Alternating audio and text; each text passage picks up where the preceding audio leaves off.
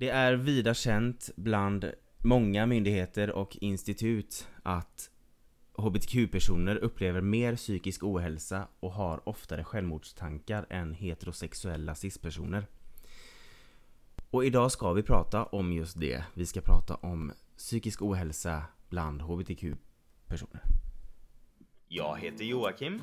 Jag heter Amanda och detta är En Gay i Taget. En gaypodd av och med oss, en bög och en flata. Som av en händelse också råkar vara syskon. Här diskuterar vi allt som är homosexuellt och mer därtill. Välkomna! Goddagens. Goddagens! Ja. Hur är läget? Jo men det är bra. Det är, pass, det, nej men det är bra, det är en passande fråga idag. Hur mår du? Oj. Vi ska prata om mental ohälsa hos uh, HBTQI plus personer. Jo men eh, just idag är jag stark. Kul att du säger det, för jag lyssnade precis på den låt, eh, Monica Mac, den här nya artisten, hon har gjort en version av den låten, jag lyssnade på den för en stund sedan. ja, var det bra eller? Ja, absolut. Ja. Nej men jag, jag mår bra idag. Ja. Jag går ju på antidepressiva så att jag har ju någonting som höjer eh, Du går på antidepressiva. Ja. Det gör ju faktiskt jag också. ja. Eh, och varför gör vi det? Varför gör du det? För att jag är gay. Nej jag... Eh, oj var ska jag börja? Nej men jag gick igenom en eh, liten eh, depression och Ja. lite ångestproblematik och jag har blivit diagnostiserad med GAD som du också har, General Anxiety Disorder. Yes, på svenska, generaliserad ångestsyndrom. Exakt. Vilket Ehm, innebär en förhöjd känsla av oro Ja. Mm, och eh, ångest. mm. Och väldigt ofta ångest och oro för saker som inte ens har hänt Och precis än. framtiden, saker som Exakt. kan hända. Precis. Eh, och så har jag även eh, haft mycket problematik med OCD, Mm. tvångstankar och tvångshandlingar. Eh, så att, och, så jag har fått, eh, eller jag, har, jag går på antidepressiva som hjälper för att göra mig lite gladare och för att eh, Alltså den eh, höjer serotoninet i hjärnan Mm, och då precis. blir det även att du eh, får mindre tvångstankar och tvångshandlingar. Så det har hjälpt jättemycket så jag är väldigt glad att jag har dem. Eh, Jag har ju ätit- Tråkigt att behöva gå på dem men ja, jag Ja. är så glad att de finns. Men det finns folk som ah, får använda sig av dem hela livet. Mm. Jag menar, Du Folk- har ändå gått på dina bra ja, jag har ätit mina sedan jag var antal år. 26. Mm. Eh, jag har, med handen på hjärtat, utan att starta ett petty party eh, Jag har ju så länge jag kan minnas haft ångest i Mm. olika former. Mm. Jag kommer liksom inte ihåg ett liv utan Ångest. ha liksom en lätt oro på något ja. sätt Ja, ja, nej tiden. men jag relaterar hårt. Eh, Och jag hade min första panikångest när jag var sju år Jag gick i scouterna, tror det eller ej. Ett väl, Det väl var pappa som ville att du skulle gå i det eller hur? Ja, Ja. de tänkte väl att någonting får du väl göra. Han var ju också scout, han ville att Ja du också skulle vara precis, scout. jag menar de var väl trötta på att hitta Barbie-huvuden överallt så tänkte jag skulle, de skulle Skicka aktivera mig. nej, nej, åtta var jag nog för att jag gick, jag gick i andra klass, så jag gick i scouterna. Och då var det en halloweenfest och man skulle klä ut sig Och jag hade ju kompisar som gick i den här eh, scoutgruppen också. Och så skulle vi på en halloweenfest med den här scoutgruppen Lite längre ifrån där vi bodde så att man behövde ju få skjuts dit. Så att det var en kompis pappa som skjutsade oss dit. Och det var jättekul och det var såna här lekar och sånt, ja men som det är på ett barnkalas liksom. Men det var ju på kvällen och det var ju mörkt och det var november och Mm. sådär Eh, Och jag har aldrig varit ett barn som inte har klarat mig själv eller inte kunnat vara Nej. ensam, herregud Jag har alltid varit ett en, liksom, jag har inte varit ett ensam barn Nej, det har varit några stycken. Men Du jag har har varit ganska självständig sen du föddes Ja, typ. men där och då, jag kommer ihåg det så tydligt, så fick jag, för säg att det kanske var fem kilometer hemifrån Mm. Och jag fick en sån panik när vi sitter där liksom och, och äter tror jag och vi hade väl lekt fiskdamm eller någonting Och bara får för mig att jag inte kommer kunna komma hem och det är mörkt och vad ska mamma och pappa säga? Och jag får en sån panikångest Så att en av de här scoutfröknarna satt där med mig i knät och jag snorade väl ner hennes blus, jag vet inte Men det är första gången jag kommer ihåg liksom en riktig Ja. ångestattack Och sen har jag haft Åtta liksom, år, det är ja. inte mycket. Alltså det är ju helt sinnes. Nu får det låta som att jag liksom har legat i fosterställning i liksom 33 år Vilket du har. Och det har jag. Men eh, Det var bara det jag ville säga. Vad heter det? Punkt. Ja, men jag har och har haft perioder där det har varit väldigt tufft och när jag var 26 år så var det liksom att nu får jag ta tag i det här och jag liksom det, jag mådde så dåligt Mm. just då. Mm. Eh, och fick antidepressiva. Och tro, tror du att det är ett stigma kring att äta antidepressiva? Mm, ja men Mm. gud. Alltså jag har hört Jag är till och med folk- lite så här att erkänna det här. Ja, nej, jag menar men mina vänner och min familj vet ju det. Ja men, ja, men jag tror alltså det är lite så här.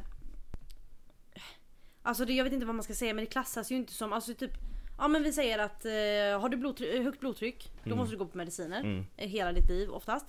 Eh, har, eh, jag vet inte, bryter du ett ben så får du värktabletter under tiden det br- Mm. Och gips också. under. Ja, jo, ja, ja, nej, ja men jag menar just med kan tablettmässigt. vara bra också. Ja det kan vara bra. Nej men jag menar just medicinmässigt så får du kanske värktabletter som ska hjälpa dig när du har feber tar du Alvedon, Mm. alltså för att komma över din eh, sjukdom. Men eh, när det kommer till psykisk eh, ohälsa och Mm. medicinerna du får då så känns det som att det är Jag vet inte, det känns inte som att det är samma acceptans runt det. Nej men alltså om jag är på jobbet och har liksom eh, ont någonstans så säger jag att nej men jag ska bara ta en Alvedon eller jag ska Mm. liksom eh, Ja Men jag går ju inte på jobbet och, och säger till mina kollegor att jag äter antidepressiva Nej men exakt. Skulle någon fråga så absolut ja, Men ja. Det är ju ingenting jag slänger, för då blir det också lätt såhär Men du vet han är inte helt eh, Nej, precis, hundra eller i typ- nerverna den där alltså om, man han, om man eh, ringer in och har feber en dag och Ja. så bara, ah, men det är säkert att hon ligger och gråter. Alltså Mm. nu man inte Eller att men du vet att så. folk börjar snacka, eh, snacka bara, du vet att Jocke går på antidepressiva? Va? Mm. Ja, men jag tänkte att det var något fel på honom, han Ja, sitter men säkert där hemma på hissingen med en tvångströja Nu säger inte jag att de har fel angående det, men det är ändå synd att liksom det ska börja bli Jo men det är verkligen så, för jag tänker typ som eh, våra mamma som har eh, jätteproblem med knäna. mm. Hon går ju på värktabletter för att kunna eh, gå på dagarna.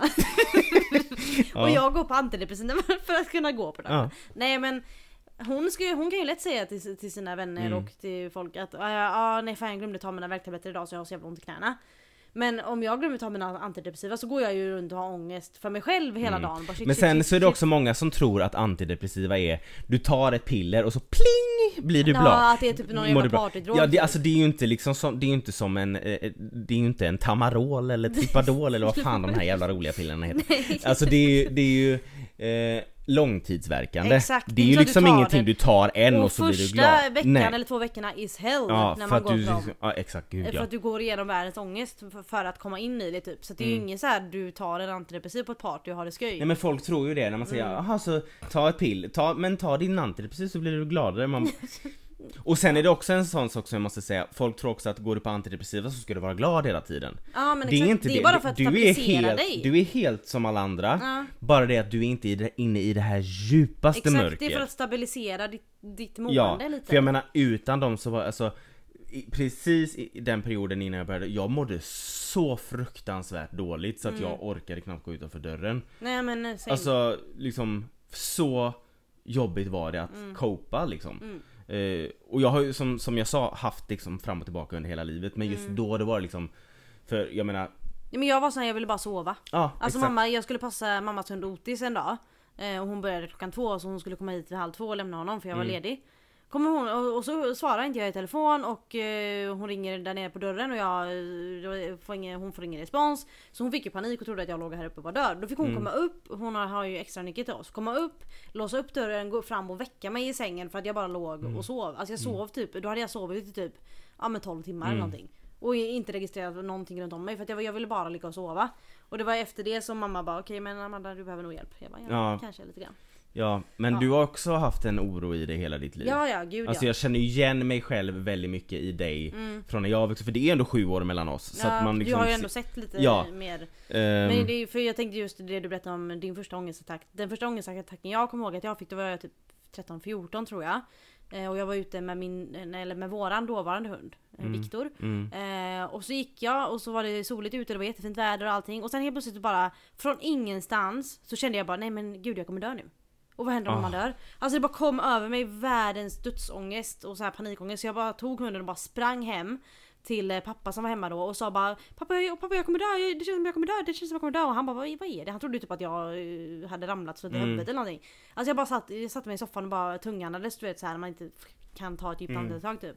Eh, Så han fick ju sitta och lugna ner mig och bara men du ska inte dö, det är inget fel på dig. Men jag kommer ihåg en gång, då var du kanske 6-7 år, det kanske inte du kommer ihåg men Och det kanske inte var en panikångest så men Låset på våran ytterdörr Just var trasigt. Oh my god, att- ja. eller handtaget gick av. Handtaget gick av. För någon, ja. någon av våra bröder hade smäll, dragit i det för hårt så det gick, Antagligen alltså, du. Ja antagligen jag I ett ilsket tillstånd Men det, det gick av i alla fall så att pappa Ja. var tvungen att liksom skruva fast Vi, det vi, vi, kom, man- vi kom inte ut i vi några kom inte sekunder. ut i fem minuter fram Och du blir rabiat Och vi bodde typ på bottenvåningen så vi hade Ja. kunnat ta ut, oss ut genom ett fönster i Ja. värsta fall.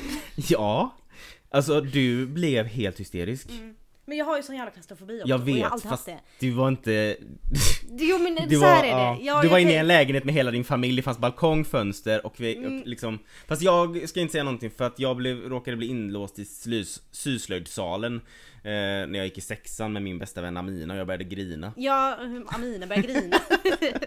Nej men jag, jag har ju världens, det, var säkert en ångestattack också för jag kommer nu när du säger det så kommer jag ihåg Mm. det jag mådde jättedåligt för jag trodde att vi aldrig skulle kunna ta oss ur eh, vår lägenhet.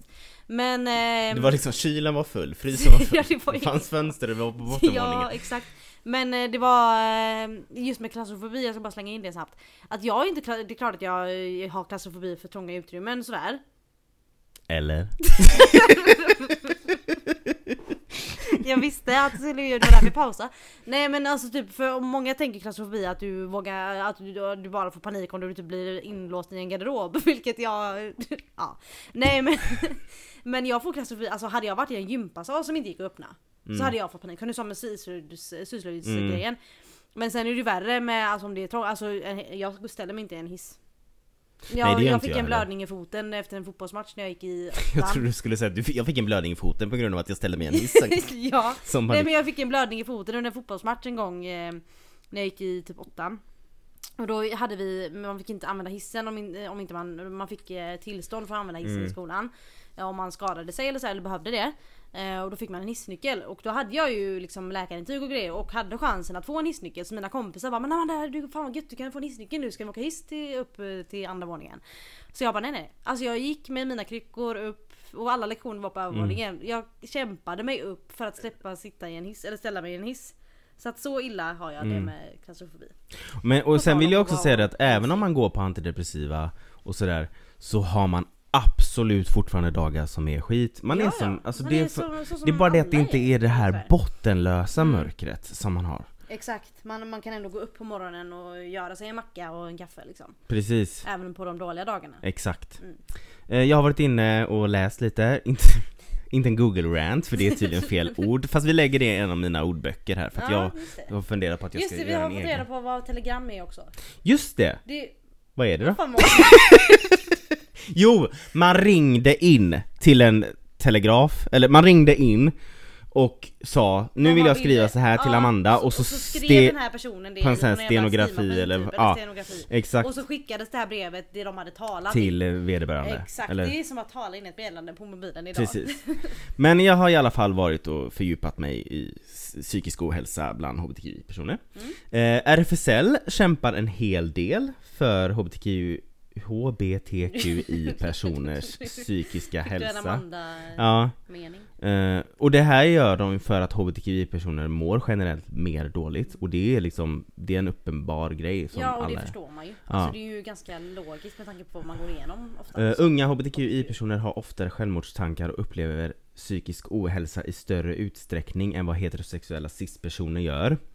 Och ett direkt citat från RFSLs hemsida är att HBTQI-personer upplever mer psykisk ohälsa och har oftare självmordstankar än heterosexuella cis- cis-personer. RFSL arbetar för att myndigheter, hälso och sjukvården och samhället i övrigt ska få upp ögonen för detta och utföra specifika insatser för att förbättra situationen för HBTQI-personer. Jo men alltså det är ju det är ju väldigt logiskt. Ja, ja. Nej men Alltså, alltså jag är inte förvånad. nej. Och RFSL får tydligen verksamhetsbidrag från Folkhälsomyndigheten för att eh, jobba med detta. Mm. Och de är i ständig dialog med myndigheter och, och, och politiker för att ja, men främja HBTQI-personers psykiska Mm. hälsa eftersom den är liksom viktig och det är vanligt att den inte är på topp liksom. Mm. Och det finns faktiskt en guide på rfsl.se som heter Vi mår bättre tillsammans, som jag verkligen rekommenderar. Den är på nästan 30 sidor och beskriver hur RFSLs avdelningar kan Alltså arbeta suicidpreventivt pre, preventivt Mm. och med att främja som sagt psykisk hälsa för hbtqi-personer i allmänhet Mm. och transpersoner i synnerhet. Ja, ja men verkligen.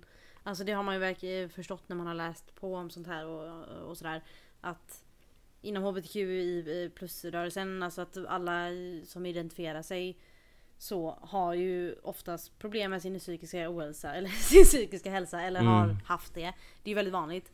Men eh, framförallt transpersoner har Precis. ju till Gud, en ja. större, större grad. På uppdrag psykisk hälsa Uppdrag psykisk hälsa.se, alltså uppdrag Mm. psykisk hälsa Mm. Eh, Så står det att hbtqi-personer är bevisligen, som sagt, ofta särskilt utsatta för diskriminering och våld Mm. Som jag har sagt Och hbtq-personer har en egentligen ständig utsatthet Mm. Och det finns alltså mängder av studier som visar att hbtqi-personer har en betydligt sämre hälsa än den övriga befolkningen. Mm. Eh, och på grund av, alltså på grund av ja, men, kränkande mottagande i vardagen och våld, trakasserier, diskriminering. Mm. Och all oro du behöver gå igenom innan du kommer ut. Precis, och det har ju vi pratat om i andra Ja. avsnitt.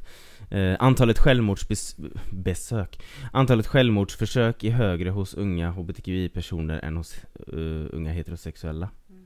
Och det står på flera ställen, bland annat på Folkhälsomyndighetens hemsida, att det är så.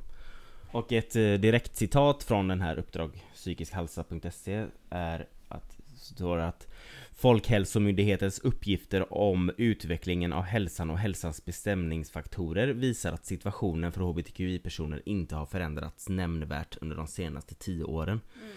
För transpersoner visar utvecklingen inte på någon förbättring alls och Oj. några av resultaten är snarare sämre än i en tidigare undersökning från 2005 baserad på svar från 374 personer. Jävlar.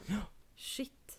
Men det känns ändå som att det händer lite, alltså det känns som att många institut tar det på allvar i alla fall. Mm. Jag får den känslan, sen vet jag inte hur det är i praktiken. Nej men vad man läser i alla fall. Ja, så, och på Folkhälsomyndighetens hemsida så finns även där ett 56 sidor långt dokument med metoder för att främja en god hälsa bland hbtq-personer. Mm. Eh, och det faktum att den ens finns säger ju en hel del. Ja, alltså att de ändå har sett att det är ett problem och att de vill göra någonting åt det. Men det behövs ju, jag känner ju om det inte har skett någon förbättring och till och med en liten försämring för speciellt transpersoner, då behövs ju något mer göras. Mm. Alltså det behövs ju verkligen ta, ta, tas tag i. Mm. Ehm, men det, är alltså, det, det förvånar mig inte. Inte att det är heller. så. Och så tänker man på de här, så tänker man på andra länder där det liksom inte ens är lagligt att vara homosexuell. Tänk då, de kommer ju aldrig liksom genomföra, eller i alla fall inte de närmaste åren, genomföra en, ett, en plan för att hjälpa till med psykisk ohälsa då Nej. bland eh, homosexuella och eh, transpersoner och alltså, ah, nej men ah gud. Det är så sjukt. Och sen tänk, alltså, som vi pratat om nu att vi båda går på antidepressiva. Vi är liksom, vi är fem barn i en Mm. familj, ganska många. Två av oss har varit eh, deprimerade och har ångestproblem, problematik, nej men Mm. ångestproblem och eh, går på antidepressiva. Och det är du och jag, Mm. och vi båda är gay. Exakt. Så att det är någonting, säger ju någonting om Mm. statistiken, Mm. tycker jag. Det är ju inte helt, alltså det är ju, det är ju inte bara påhittat. Det är absolut inte bara påhittat. Och vi är ju nä- alltså som ett levande bevis på att Mm. eh, det är verkligen men det är värre, det är värre för oss tänkte jag säga, men det känns alltså som att det är vi vill, vanligare ju, bland... vi vill ju eh, såklart inte förminska någon som är heterosexuell som har psykisk ohälsa. Nej, precis. Det är bara, det, att det är ju en, det finns ju statistik som säger att det är vanligare det är ett, bland... ja och det är ett problem att, Mm. att, och det, att vi som hbtqi-personer har det jobbigare. Mm. Och det, all, jag tror att alla förstår varför. Ja, och sen psykisk ohälsa i allmänhet behövs ju mer, det behövs mer resurser och som Mm. vi sa att det är så stigmatiserat fortfarande. Och, äh, och runt äh, alltså att ta antidepressiva och allt sånt. Det är Mm. liksom, det är ju inte många som gärna är öppna med att de går och träffar en psykolog eller att de har, är deprimerade eller har ångest. Nej. Alltså man är ju, för man är rädd att klassas som eh, Nej, men en folk- opålitlig person typ. Ja. Alltså Nej men du vet jag. folk tror att man liksom är en, en galenpanna om man säger Ja så. men lite så ja. Ja. Och det är liksom, eh, och, och, och just det här, ehm, lite av det här, eh, vad ska man säga, så det har blivit smutskastat typ som att med psyket till exempel. Mm. Det- När nå- om någon säger att de har varit inne på psyket så, så är det så många som tror att oj, vad, vad, Mm. är du farlig Mm. typ. Mm. Men för att det har blivit så så, alltså smutskastat och Ja, men folk tror att stigmatiserat. man är ty- alltså folk tror att har du varit på psykiskt så är du en massmördare typ. Ja men typ Michael Myers varning Ja, på dig för att du har varit på psyket. Alltså det är ju det, det är också ett problem och det är det är ju också någonting som behöver jobbas på i allmänhet psykisk ohälsa och sen Alltså, jag är det ska ju en säga att- egen gren med HBTQI personer. De, jag, alltså, jag har många i min, nä- nästan alla av mina nära vänner går på antidepressiva. Mm. Eh, nu har jag ju en väldigt, nu har jag, jag har många vänner runt omkring men så har jag en liten grupp nära mig. Mm. Och alltså många av dem vet jag har Mm. psykisk ohälsa. Ja ja men samma här. Alltså, Ja. Jag har också många vänner som har gått igenom eller går igenom sån, alltså, sånt här. Så att Mm, det är ju, jag tror det är vanligare vad man tror och vanligare vad det pratas om. mm. Och sen, Och det är därför jag känner att det är lika bra att vara ärlig med att man Jag var lite såhär, bara ska man säga att man, eh, man käkar det här i podden? Men vad fan? Ja, Nej men vad fan vi gör ju det. ja jag gör ju det Ja. liksom. Men exakt. Så jag tar astmamedicin varje dag och jag tar eh, Ja. antidepressiva varje dag. Det är ju bara... eh, Det är en del av mig. Nej men och sen... Tycker du... Alltså vi säger att om du hade varit chef på, på ett företag och en kollega, eller en kollega, en medarbetare till dig hade ringt in och sagt Jag kan inte komma till jobbet idag för jag fick precis världens ångestattack och jag mår skit. Hade du godkänt det som en sjuka mellan? Ja, det hade jag. Och det är Det också en hade sån jag. grej. Men det är också Och det för hade att jag jag, också gjort, det är också för att jag vet Ja. hur det är. Men det är det som är problemet för att alla vet, alltså om, nå- om jag skulle ringa in och säga att ah, men jag har migrän, alla har ju inte migrän men alla Mm. vet att migrän är jobbigt och att du Mm. kanske inte kan komma och jobba ifall du har ett migränanfall. Mm. Men ringer du in och säger att du har en ångestattack så är det inte alla som, ja okej men jag vet inte, eh, skratta lite och kom till jobbet typ. Mm, Alltså, nej men det, så det är det. Nej men det är också det här som man har hört, du vet Den här gamla menta- mentaliteten med lite, alltså, lite äldre personer Mm. Mig själv exkluderat. Men eh, det här om någon har gått in i väggen eller är utbränd, Mm. vad fan han får la komma in i matchen Ja men Du exakt. vet, det, det är det ett, syns ses som en svaghet. Ja, ja men det Ja. gör det. Ja. det men det, det, det, det, det är, det finns, alltså det är en grej, det är inte påhittat Nej nej nej. nej men och det är gud. det jag tror att folk liksom, äh, nej jag var ung, då gick vi ju i skolan när vi var, vi, vi var 14 och sen jobbade vi, har vi jobbat nonstop fram tills vi var 65 Mm. Okej Men vad, vem är det som säger att det är det normala då? Ja, exakt Och sen hur mådde du kanske Mm. under de fem första åren? Det är Mm. inte säkert att man mådde bra bara att man inte vågar säga någonting om Mm. det. Och jag och vet hur- inte, det kanske var lättare att leva då, man kanske mådde bättre då Ja, Vi Vem kanske har en annan vet? press idag, jag ja, vet inte men exakt. Och sen, ja men jag kan tänka mig att sociala medier har en stor eh, Absolut inverkan på, eller påverkan menar jag på Speciellt det här som vi dåligt. pratade om i eh, avsnitt eh, tre var det va? Kroppshets, Kroppshets och ja. ideal Det Gud, har ju, ja. för, liksom om man redan mår dåligt med självförtroende och Mm. sådär Alltså jag påverkas otroligt mycket av, Ja eh, men gud ja, men jag med. Alltså det, blir, alltså det är ju svårt att inte göra det Mm. oavsett vem du är. mm, Så blir det ju, du jämför alltid dig själv med någon annan Mm. och du ser en bild på någon som är skitsnygg och verkar ha det skitbra Mm. och så blir, börjar man jämföra med sitt eget Mm. liv och så blir man, mår man sämre över det. mm, Så att det är ju verkligen, jag tror verkligen att eh, sociala medier har en eh, stor eh, del i att det blir, känns som att Mm. det är vanligare idag. mm. Med psykisk ohälsa och dåligt självförtroende och allt sånt. Mm. Jag tycker det är viktigt att inte skämmas för det Mm. Gud ja, alltså jag var ärlig med det för Mm. att det Någonstans kommer det ju bli lättare mm. Tror jag Och sen man kommer inte alltid möta förståelse Och sen också en annan sak, jag tycker inte att man ska äh, äh, Tro inte att du är svag för att du Nej, har nej, depression nej. eller ångest Det är oftast tvärtom att du, Mm. att du är egentligen en stark person men du har hållit inne det för länge Exakt Eller du vet, alltså Ja. Det Nej, men finns det är ingen som ingen säger- svaghet i Nej det men det är ingen som säger att du är svag om du eh, får Du influensa kan vara världens Alltså, starkaste person men exakt. ändå ha Mm. psykisk ohälsa Ja, Det går inte hand i hand Nej. Saker är inte så svart eller vitt nej. För du har inget man- svagt psyke för att du får en depression Nej Absolut Förr sa man ju att, du vet, eh, mamma berättade att de sa förr liksom om någon var liksom lite skör så här, Mm. Nej men hon har problem med nerverna, du vet mm, Hon har ju nervfeber eller vad Du Ja, vet så här, ja. nej men det är hon med nerverna, Mm, du vet För att de var Och då sågs man som en svag person Ja, men det är absolut inte som du sa, tvärtom tror jag. Mm. Alltså man har gått för länge och Mm. försökt vara stark och så Mm. kommer man till en point där det liksom inte går att hålla, hålla sig uppe Exakt. ovanför ytan längre. Exakt. Och det har ju inte med svaghet att göra, det har ju bara med att man har hållit på för länge.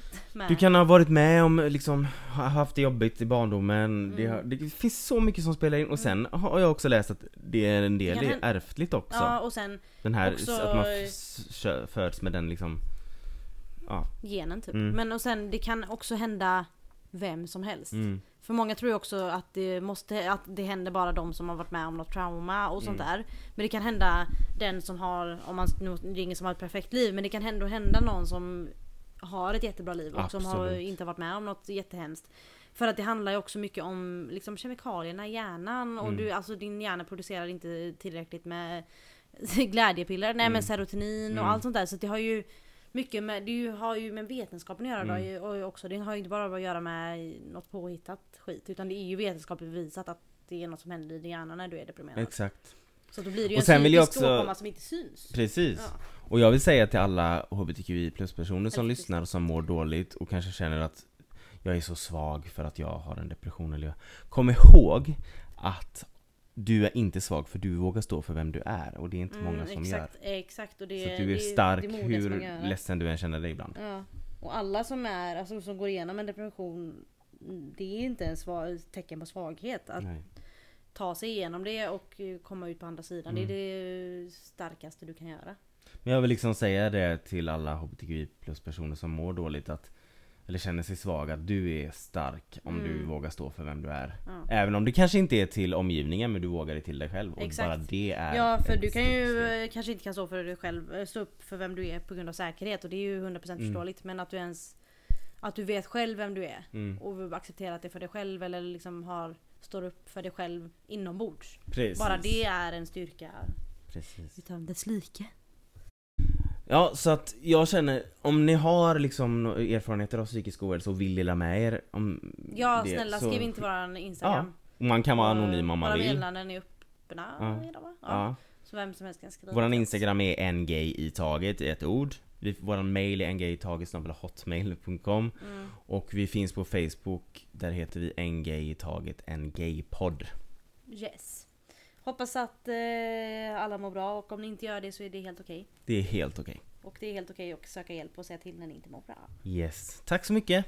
Tack, hej!